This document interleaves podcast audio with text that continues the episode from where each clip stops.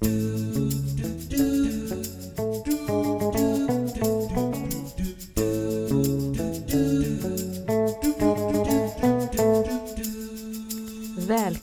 till Bokspanarna, en podd från biblioteken i Luleå. Och vi som pratar är Magnus, Annika och Julia.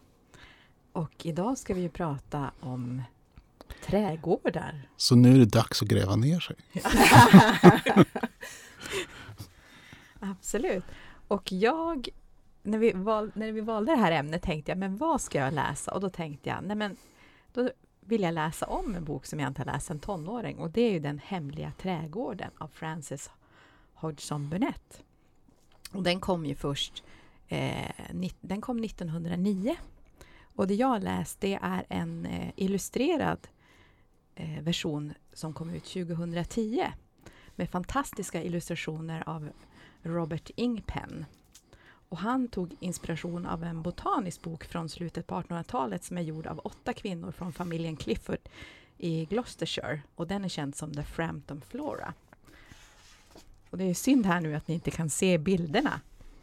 Men jag kan visa här mina vad heter det, medpoddare här så får de se. Oh. Eh, de är mycket imponerande.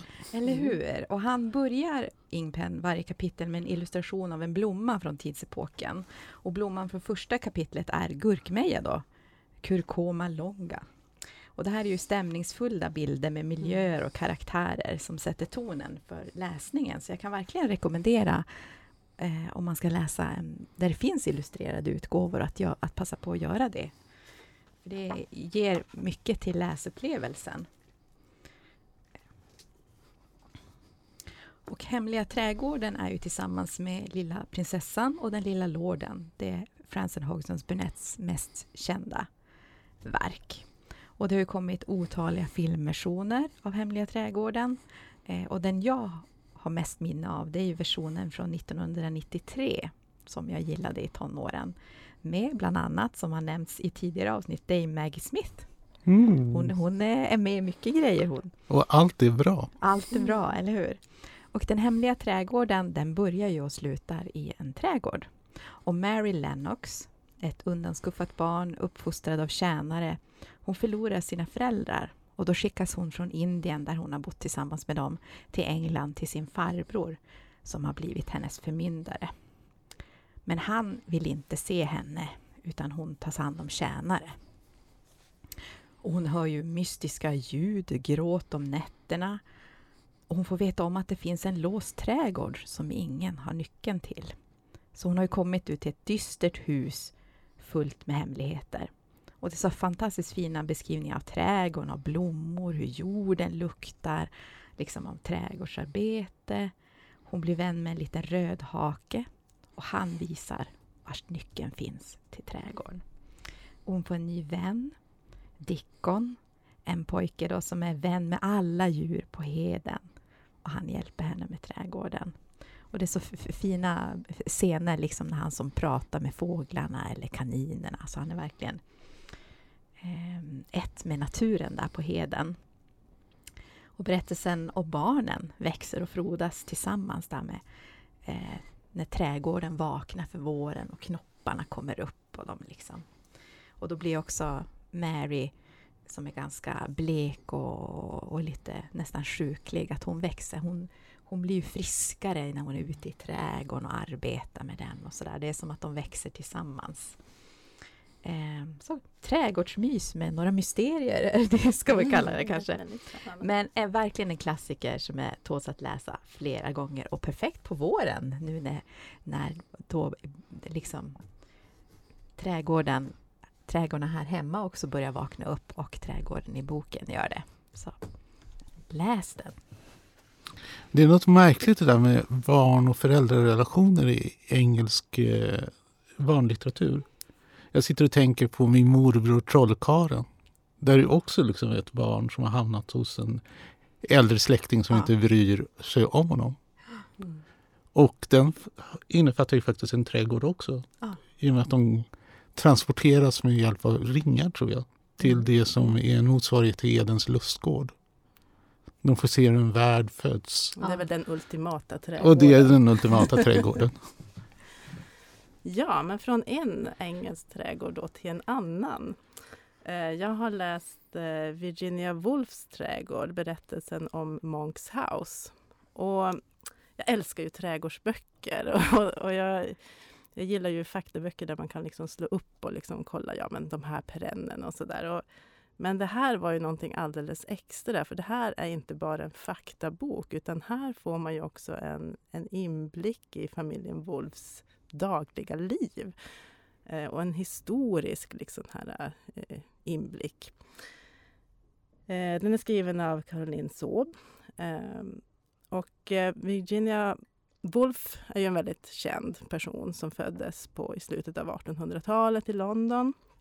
Eh, alla känner väl till någon, något av hennes verk, till exempel Mot fyren. Hon har skrivit eh, böcker inom modernismen, feminismen och sådär. Eh, Eh, men det man kanske inte vet lika mycket om, det är väl liksom eh, där de bodde. Eh, och liksom just det här, de köpte ju ett hus på auktion 1919. De köpte det här huset då i Sussex, det här som heter då Monks House. Och Eh, det här är ett gammalt hus med anor från Ja, det första som var skrivet om det var på 1700-talets början helt enkelt. Och det var ett hus som nyttjades av, av timmermän och mjölnare. Eh, och det var väl inte för huset de köpte det i första hand utan det var ju för den fantastiska trädgården. Och när de köpte den så kanske inte trädgården var ändå så mycket för världen utan det var ju det de gjorde under de kommande liksom, åren. Och framförallt så var det då Lennart, alltså hennes, hennes make, eh, som var den stora trädgårdsentusiasten och formade det här. Men redan från början så fanns det en hel del att, att eh, börja bygga på.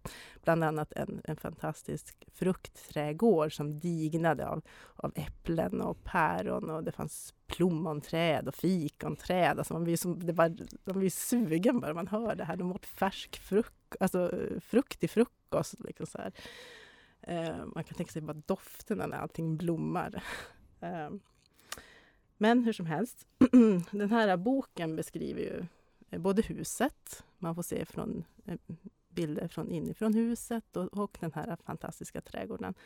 Trädgården är uppdelad i sektioner eh, med olika funktioner och olika namn. Så vi har liksom den italienska trädgården med sina statyer och, och krukor som de skapar efter att de hade varit på en eh, resa till Italien och blivit inspirerade.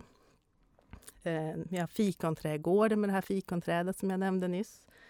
Eh, vi har fruktträdgården, vi har grönsaksträdgården, vi har liksom eh, flera trädgårdar med fiskdammar. Lennart var väldigt eh, förtjust i, i, i just eh, fiskdammar. Och han hade guldfiskar och karpar i de här dammarna.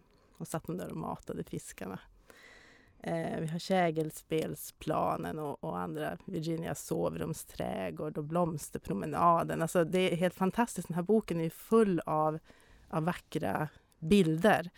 Eh, både alltså det är färgbilder, sen har de liksom också broderat eh, så detaljer av trädgården. Så när man tittar på den här grönsaksträdgården till exempel så, så ser man så här små morötter som är broderade. Jättefina bilder och unika bilder. Så jag tycker verkligen att man ska eh, kika på den här boken bara för bildernas skull. Man blir så väldigt inspirerad. Och, eh, man kanske ska tillägga att det är en stor bok. Ja, den är, den är lite större format. Det, det, det syns ju väldigt bra de här eh, eh, vackra bilderna på blommor. Det är sinjor, det är guldregn, det är rosor. Men det som jag tycker är kanske det bästa i den här boken, det är ju de här anekdoterna när man får höra om hennes eh, om, om familjens, eh, parets liv här. Eh, till exempel så när de köpte den här, eh, det här huset eh, första kvällen så, så regnade det. Och eh, utanför köksträdgården så går en brant trappa ner till köksdörren och det vattnet och det bara forsade ner för trappan, rann in genom köket och ut på andra sidan. Så det var deras första skräckupplevelse och liksom eh, Virginia Ganska när hon beskriver om det här liksom, så ganska förskräckt och var ungefär liksom, vad har vi gjort när vi har köpt det här? Pratar om råttor, och, men de har ju tjänstefolk och så här, men tjänstefolket blir som förskräckta också. Liksom, tyckte att det var, de har tagit sig vatten över huvudet nästan. Ehm, men det blev ju också eh, många år av att de arbetade med den här eh, och byggde upp det här. Och vi har, det finns så många berättelser som eh, ja, men Virginias skrivarstuga. Hon hade, under åren hade hon flera skrivarstugor i den här trädgården. Började med ett redskapsskjul som också eh, dubblade som, som Lennarts äppelloft. Så ibland var han ju där på taket och sorterade sina äpplen, vilket hon ju tyckte var fruktansvärt enerverande. Eh, jag har ju en favoritberättelse här då faktiskt också. Det var eh, att eh, Lennart hade en, en sidenapa som hette Mitzi. Och han hade tagit hand om den här apan. Då. De fick ju aldrig några barn utan de hade ju mycket djur. Men eh, den här apan var ju otroligt svartsjuk av sig och den eh, var också ganska olydig. Eh, den tyckte väldigt mycket om Lennart och var ju så, ja, tydde sig till honom. Men då en dag så rymde den och, och liksom klättrade upp i en stor linda vid grinden och, och Lennart tänkte, men alltså hur sjuttsingen ska jag få ner den här apan igen? Och då kom han ju som på, ja men han kallade på så här Virginia och så ställde han henne under linden och ställde han sig och kysste henne passionerat där. och då kom ju apan ner eh, helt rasande ungefär. Så det är en ganska härlig liten berättelse. Det är de här guldkornen man får i den här boken när man läser den. Eh, och när också den här vintern 1900, jag tror det var 1940 när kriget hade kommit då till, eh, till London och så. De, de bodde där i, i Monks House även på, på vintern. Det var egentligen ett sommarställe. Men det var väldigt kallt den vintern och, och de, Virginia skriver att ja, de, här, de sov i, i strumpor och halsdukar. Och, jag tycker det är så fascinerande de här, ja, men de här eh, inblickarna i deras vardagsliv. Så det här är inte bara en trädgårdsbok, det här är också eh, ett historiskt dokument. Mm. Så det, det, är som, det ger en extra dimension till boken. Mycket fin bok, mycket vackra bilder och eh, roliga berättelser. Jag måste säga, jag uppskattar ju Leonards relation till sin trädgårdsmästare. För naturligtvis hade de ju en trädgårdsmästare. Och de verkar ha grälat mest hela ja, tiden. Ja, jag läste det. Jag läste det här också. och när trädgårdsmästaren inte får som han vill så säger han upp sig och Leonard är helt förstörd. jo, det är fantastiska sådär, berättelser där kring. Och, ja. Så det är någon slags kärleksrelation? Ja, ja. Och det handlar väl egentligen trädgårdar om? Ja, men jag tycker det. Mm. det något man älskar och hatar. Och odlar och när mm. och bygger upp. Jag hade ju tänkt prata om japanska trädgårdar men jag har inte brytt mig om det här. Därför jag har gjort andra saker istället. och då är ju frågan, ska jag fejka det?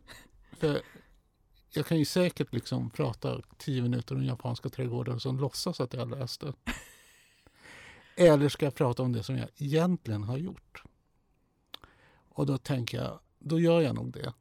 Och anledningen att jag inte hade tänkt prata om det, det är att jag sitter i en sån här situation. Här vi ska presentera det som är kanske lite nytt och lite okänt. Och jag känner mig ungefär som jag sitter framför en grupp med tonåringar och säger nu ska jag presentera Britney Spears som ni aldrig hört talas om. eh, för det som jag ska prata om det är Osebol av Marit Kapla som fick Augustpriset för 2019. Så det är alltså en bok som de som vill läsa den har antagligen läst den och de som inte vill läsa den kommer inte läsa den. Så det känns lite sådär hopplöst. Men har ni läst den? Nej. Nej. Herregud. Men nu, nu får du försöka övertyga oss om att vi ska läsa den. Ja, nu har du din chans. Här. Den är så bra. Eh, den betraktas som en roman och presenteras som en roman men den består egentligen av, av en rad intervjuer av eh, de här invånarna som bor i den lilla byn Osebol som är en värmländsk by och ligger i en dalgång vid Klarälven. Och det är ett mycket litet samhälle. Det är väl ungefär 40 personer som bor i den. Och den är, boken är ganska lång, det tog åtta timmar att lyssna på den. Och den består liksom bara av de här intervjuerna. Alltså författarna har gått hem till folk och så har de suttit vid köksbordet och så över en kopp kaffe och så har de bara pratat. Men det är en mycket speciell stil för eh, hon har klippt ut, antar jag då, att hon har klippt bort eh, sina egna frågor. Eh, för annars är Oseborna eh, väldigt bra på att prata. För det blir som att det är sådana här långa monologer med kanske lite märkliga hål i där jag antar att de har frågat någonting. Och det som de pratar om och det som beskrivs, det är liksom ett döende Sverige. Alltså det här märkliga att trots att eh, det blir mer och mer svenskar så blir eh, landsbygden mer och mer avbefolkad. Alltså att det har gått från ett fungerande samhälle där man kanske inte har haft egen butik och egen postkontor och sånt där. Men att det liksom har funnits så att man har kunnat fara någorlunda lätt. Medan nu liksom så drar sig skola, eh, bankverksamheter drar sig längre och längre bort. Eh, det, de beskriver också ett, egentligen ett dött samhälle. För när, alltså när jag tänker på små byar så tänker jag på lantbruk. Och det gör de också. Det var det att de berättar hur det var på 70-talet. När lantbruket fortfarande levde. Mm. Och de människor som gjorde det, de har ju dött bort. Så det är att man, alla häschar tillsammans eller liksom har skördefester eller något sånt. Det är något som inte existerar längre. Och nu för tiden så träffas de och spelar bingo, vilket jag tyckte var ganska charmigt. eh, och då, när jag tänker på det här, om den var gjord på 70-talet då skulle det varit en sån där hög med kassetter där en etnolog har liksom suttit och eh, intervjuat folk ganska in, ingående. Och eh, om den hade varit gjort på 80 eller 90-talet då hade det varit ett stencilerat häfte där liksom, eh, ortsborna själva har samlat in liksom, de här berättelserna.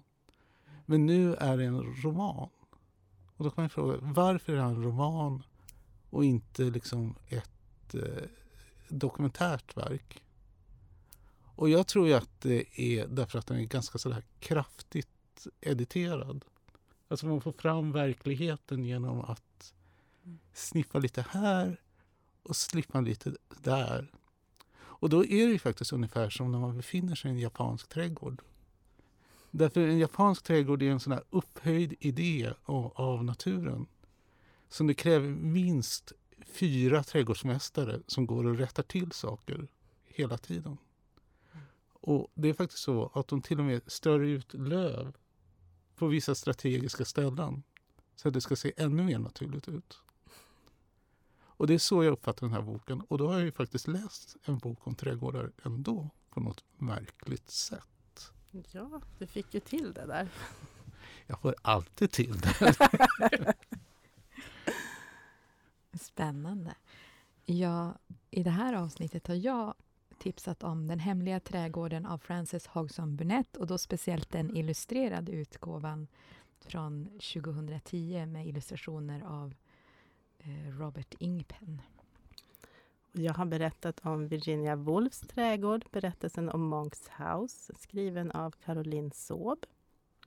Och jag har eh, berättat om Osebol av Marit Kapla. Mm. Som jag faktiskt var tvungen att avbryta ibland med någon sån här liten mordhistoria. Därför att det finns en gräns hur, hur många timmar i sträck man kan sitta vid ett köksbord. Det kanske finns. Ja, men nu kanske det är dags. Ska vi, vad heter det, ska vi ut och plantera någonting? Eller förså kanske, för det är fortfarande mm. snö kvar ute. Ja, det dröjer väl ett tag, lite grann här innan det kommer, mm. innan det är dags. Men du bor ju i villa, va? Nej, det gör jag inte. Du men det har inte det. hindrat mig från att ha en liten täppa ändå. För jag har ju sådär lite märklig inställning till trädgårdar. Jag tycker om att gå i trädgårdar och sitta i trädgårdar men att hålla på att arbeta med dem. ja, men det är det som gör perenner så bra. Alltså man, man sätter mm. dem en gång och väljer man rätt så kommer de upp nästa år igen. Eh, Eller hur? Det kanske är samma sak med ett boktips. är du van att arbeta med trädgårdar? Det är jag inte, men jag är en nybliven eh, husägare så att eh, jag, jag håller på att lära mig. Mm. Då kanske vi får en rapport i höst sen hur det gick. Eller hur? Här ska det planteras jordgubbsland i alla fall. Det är väl ganska bra. De sköter väl sig själv ganska mycket tror jag. Mm. Är det inte så att man måste hindra dem från att ta över hela trädgården? Det är väl de som kastar ut sådana revlar? Det stämmer ju ganska bra det. det Mycket jordgubbar, det är bra. ja, kan man få för mycket jordgubbar? Är frågan då. Nej, det tycker vi inte. Eh, om de är belgiska. Ja, men hej då allihopa. Hej då. Hej då. Hej då.